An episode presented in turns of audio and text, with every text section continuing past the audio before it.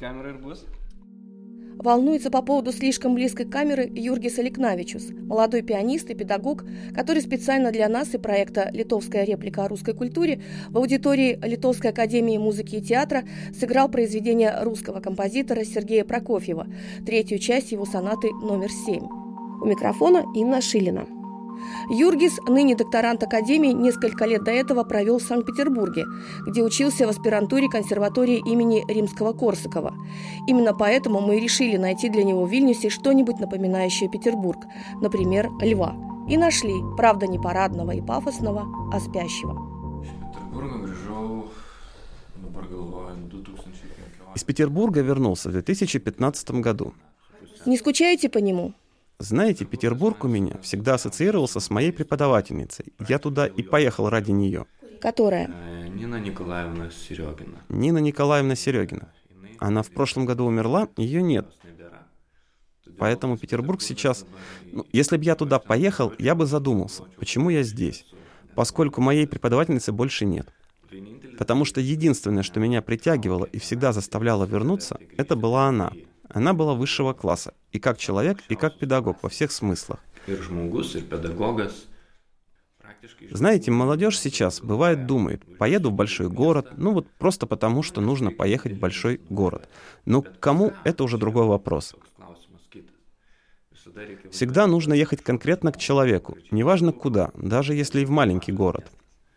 Я ее здесь встретил. Она в Литве не раз вела курсы художественной гимназии Чурлениса. Я с ней так познакомился. А потом съездил в Петербург проконсультироваться. И тогда поступил. Так и получилось, что для меня Петербург, если я и скучаю, то скучаю больше по человеку, а не по самому городу. Вы были любимым учеником? Думаю, что да. Моя преподавательница всегда акцентировала, что у нее лучше связь с иностранцами, чем с самими русскими. Хотя сама она была русской, она пыталась как-то это объяснить себе, вам?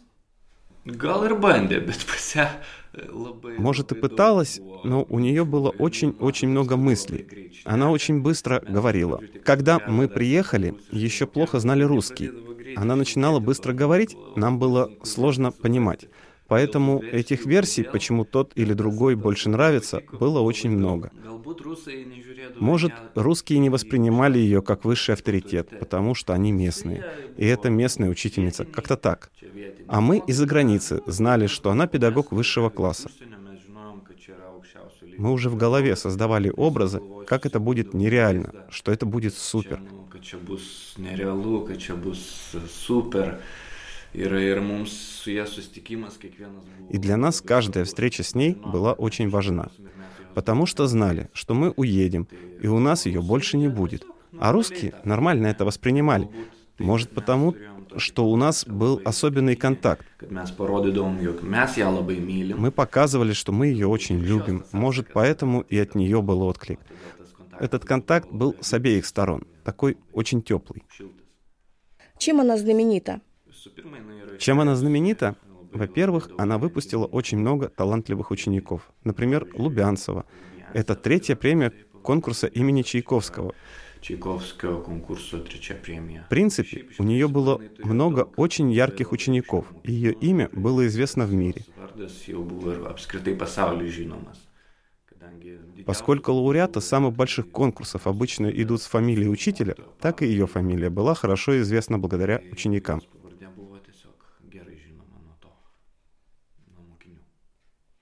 Получается применять ее методику здесь?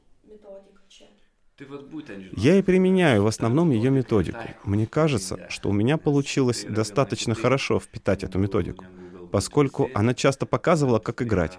Она, может, меньше рассказывала, а больше показывала. Потому что сама была прекрасной пианисткой. Kadangi jinai dažnai rodydavo, kaip groti. Jinai galbūt mažiau pasakojo, bet jinai daugiau rodydavo, nes pati buvo puikiai pianistė. Поэтому эти все показы я достаточно хорошо фиксировал. Когда показывают, да еще на таком уровне, то для меня это особый вызов. Если не скопировать все это, то понять, как возможно это сделать. Что вам интересно в музыке? Интересует все. Даже не знаю, что выделить. В музыке я не ограничиваюсь только классикой. Я интересуюсь и джазом, и роком.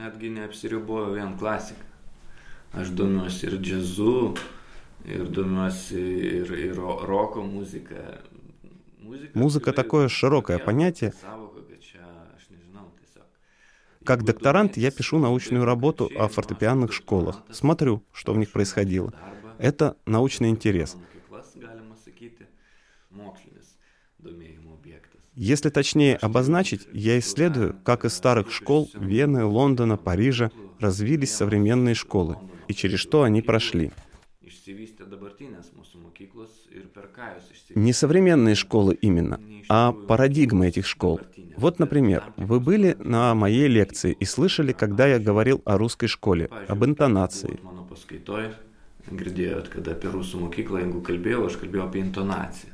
Скорее о вокальной парадигме. Так вот, в которой из этих трех старых школ могла появиться вокальная парадигма? Через кого она могла появиться? Через Шопена, Листа и так далее. Вот всю эту хронологию я пытаюсь исследовать. А у нас есть какая-то своя фортепианная школа или она только формируется? Ну, какая в Литве может быть школа фортепиано? Когда, например, я окончил в России, моя преподавательница Жверблите в России, Пятрос Гениушес в России. Ну, все профессоры, кого бы ни взяли, большинство учились в России. Другие, может, в Германии, Франции. Но в сущности слишком мало времени еще, чтобы кто-то нес бы эту литовскую традицию. Потому что с 20 века еще не было так много поколений, чтобы они сформировали литовскую школу. Вообще, Литва очень маленькая страна, и очень сложно это в своем закрытом кругу делать. Потому что все равно литовцы повсюду уезжают, потом возвращаются или не возвращаются. Так что, по сути, та школа, она все равно микс. Так что такая типичная литовская школа, я бы не сказал, что она существует. А что бы могло сформироваться характерное только для нас? Это, знаете, всегда зависит от репертуара. Я бы сказал, что литовская школа — это школа исполнения Чурлениса. Но играть музыку Рахманинова или Моцарта с только литовским подходом — это тяжело, даже отождествляется. Потому что другая нация, другие традиции, и иначе нужно играть. Так вот. Чурлёнис был литовцем, да. Мы можем тот литовский менталитет и весь тот стиль игры перенять из его творчества, и весь его репертуар, и тематика, и народные песни. Так вот, может, это и можно было бы назвать литовской школой в определенном смысле. Поскольку наш проект о русской культуре в жизни литовцев, то сколько той русской музыки в вашей жизни и окружении? yra tos rusų muzikos jūsų gyvenime ir išvis aplink kultūriniam gyvenime? Labai daug. Очень много, необычайно много. Русские композиторы, корифеи музыки. Чайковский, например. Он звучит везде и всегда. Это абсолютно неотделимая часть концертной жизни. Кто-то даже делал статистику, исследовали, сколько композиторов исполняют на определенных концертах в заданный отрезок времени в Литве. И если в год проходят где-то 50 сольных концертов, то на половине из них исполняют произведения Рахманинова, Прокофьева, Скрябина, того же Чайковского. Добавить еще, например, Метнера, они постоянно звучат. В процентном соотношении, может, и нет 50%, немного меньше, чем всей остальной музыки, но процент очень высокий. И эта музыка абсолютно влилась во всю нашу культурную жизнь, и в мою также. Я очень люблю исполнять русскую музыку, хотя бы потому, что в самой России мне немало объясняли, как это нужно делать. pačioj Rusijai.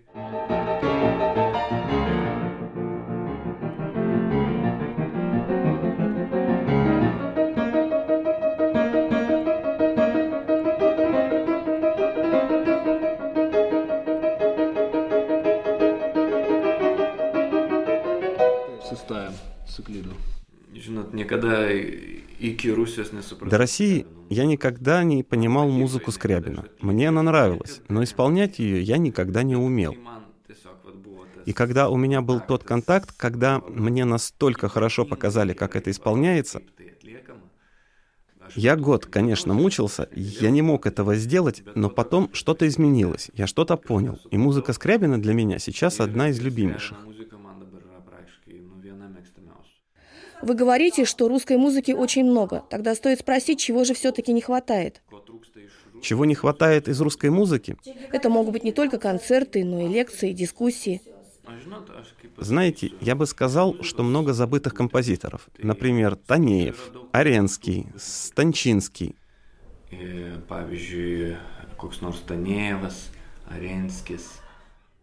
Вам даже не знакомы фамилии, да? Ну вот, они были забыты и незаслуженно.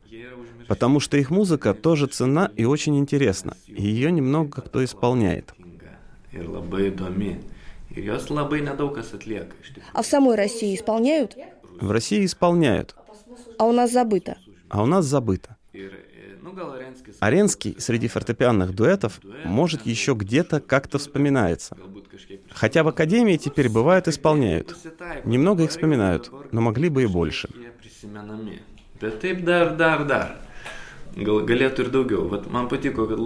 Мне понравилось, что Лукас Генюшас, один из самых ярких наших пианистов, недавно сделал сольный концерт из таких русских композиторов, которых мы здесь не очень и знаем.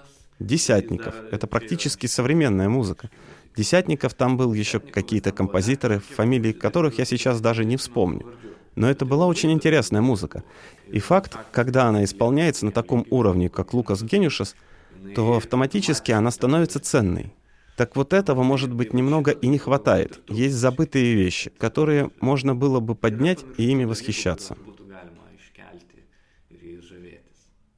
Теперь не о классической музыке, а шире. Что звучит в ваших наушниках? Именно из русских, русского происхождения. То, что у меня играет в наушниках, знаете, связать что-то с русскими было бы сложно. У меня чаще всего классический рок играет. Я в целом вырос со всеми этими Металлика, Нирвана, Led Zeppelin, такими группами, и для меня они до сих пор... Ну вот, это моя форма проведения свободного времени. Сколько вам лет? 33 года. Я знаю, что молодежь сейчас не слушает такое. Теперь есть хип-хоп и так далее. Чего я совершенно не слушаю, так это поп-музыку. А так скажем, политическая музыка вам не попадалась? Я бы причислила к ней тех, кто попал в поле политики, осознанно или неосознанно. Политика в целом никогда не была тем, чем я бы интересовался. Ко мне не попадает. Знаете, я как-то отстраняюсь от этого, особенно политических вещей.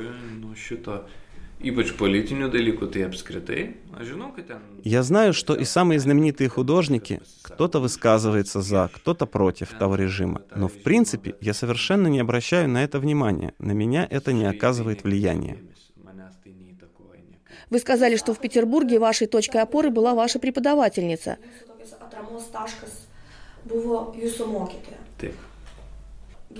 Жить с россиянами в одном общежитии вы не имели права. Нет.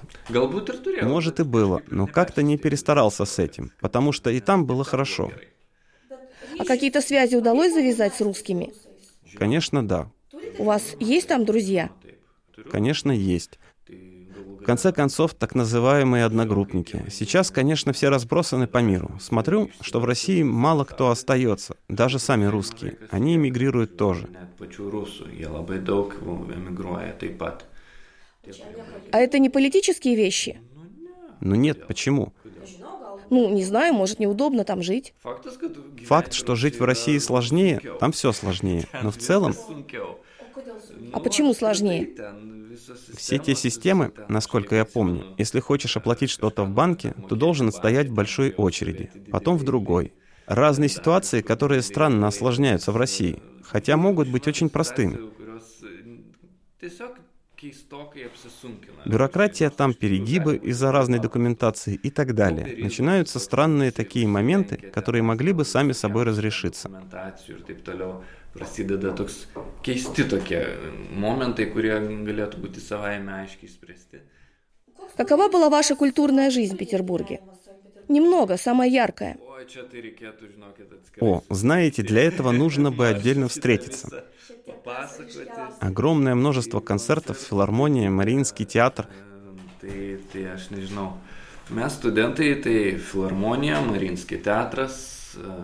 Так называемая капелла у Эрмитажа. Не знаю, это очень большая там культурная жизнь.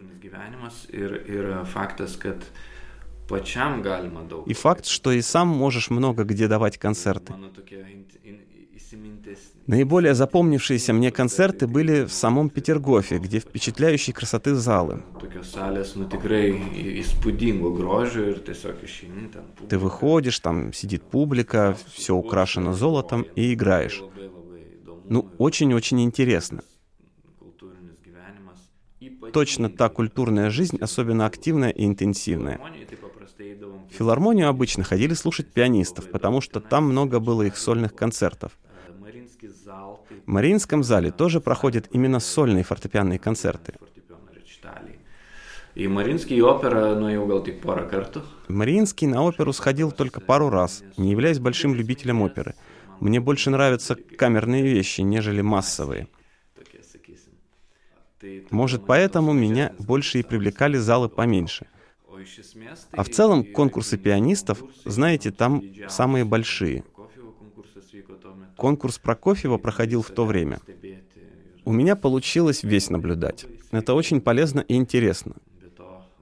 Кроме того, залы всегда полные, очень много людей. Сравнивая с нами, у нас часто на концерты не собирается полный зал. А почему меньше людей? Очень много объяснений.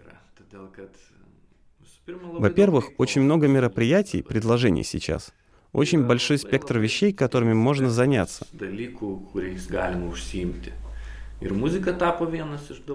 И музыка стала одним из многих. Сходить на концерт — это один выбор из тысячи. А что в России нет выбора и все идут на музыку? Я не сомневаюсь, что есть. Но есть просто традиция пойти на концерт. Во-первых, предложений очень много. Да, можно идти на один, третий, пятый, шестой концерт. В одно время очень много проходит мероприятий. Петербург — это город, в котором кипит жизнь. И я не сомневаюсь, что у людей там тоже очень большой выбор.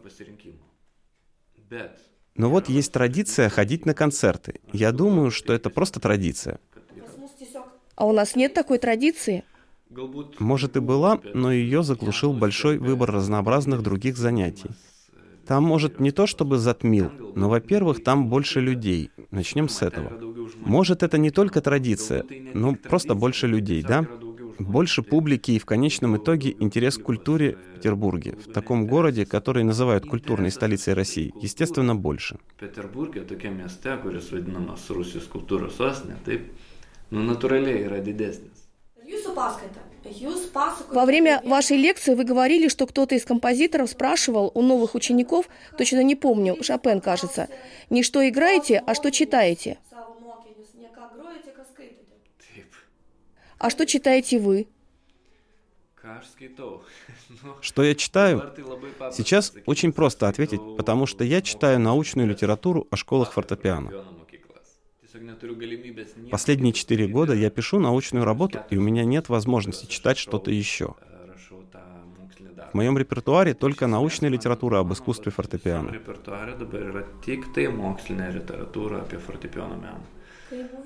Пока были в Санкт-Петербурге, в вашу жизнь пришли какие-то русские авторы? Ой, русских авторов я и до этого читал. Достоевского я вообще очень любил всегда, именно классику. Что я всегда любил читать, так это классику. Современные романы мне как-то, не знаю. Томас Манас, Ремаркас buvo, tai, tai buvo patys įdomiausi dalykai man visada. Ну, ten vaikystėje, ten visi tie Жюли Верны, ir taip Для меня Томас Ман, Ремарк — это было самое интересное для меня всегда. В детстве там все Жюли Верны и так далее. Все через это прошли. Но в целом после этого я только за классикой сидел. Мне это интереснее всего. Меня привлекали те романы и те большие классические работы писателей. Очень короткий вопрос. И что первое придет в голову, то и скажите. Музыка, которая описывает ваше состояние сейчас. Вот в данный момент Моцарт. Потому что вот ноты. Моцарт такой молодежный, юношеский, быстрый, очень подходит к утру понедельника, когда нужно зарядиться энергией. Kada reikia energijos pasikrauti, todėl Mocartas jisai iš karto nušviesina dieną. Моцарт сразу осветляет день. Теперь более сложный вопрос. Современная Литва, музыка. Очень сложно. Не знаю. Не знаю, потому что Литва, сказал бы, современная музыка. Чуть ли не моторная музыка с Литвой ассоциируется. В Литве сейчас все очень быстро происходит, меняется. И вот в такой музыке, которая такая даже не обязательно мелодичная или еще какая именно моторная.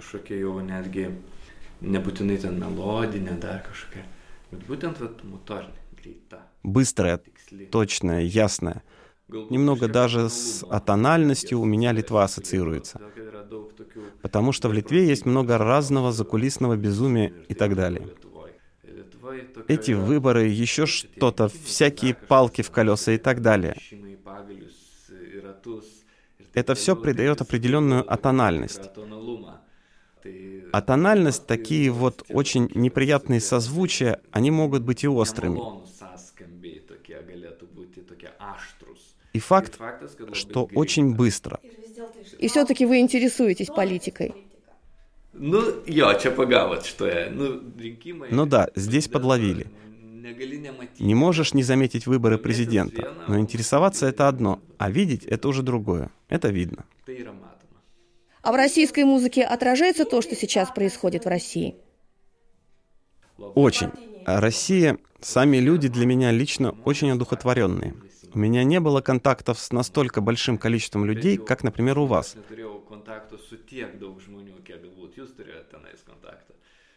Но те, кого я знаю, это мои учителя, музыканты, их друзья, разные художники. Они очень одухотворенные люди.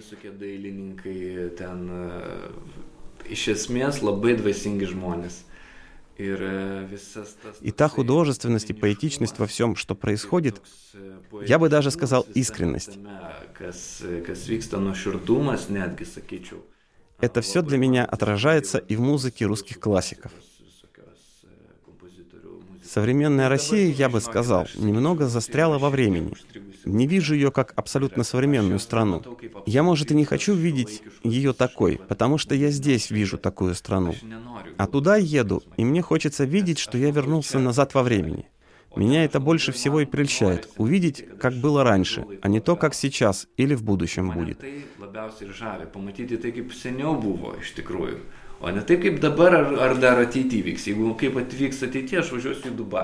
Когда захочу в будущее, я поеду в Дубай или Сингапур, где точно увижу город будущего.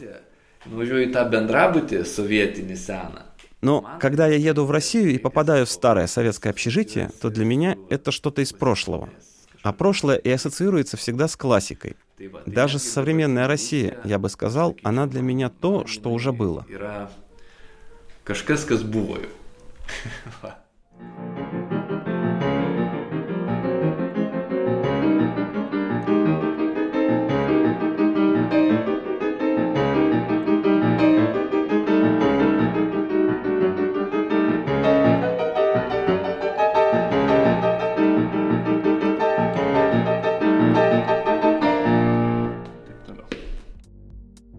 нас пока все. Следующий эпизод Найлару через неделю. До встречи!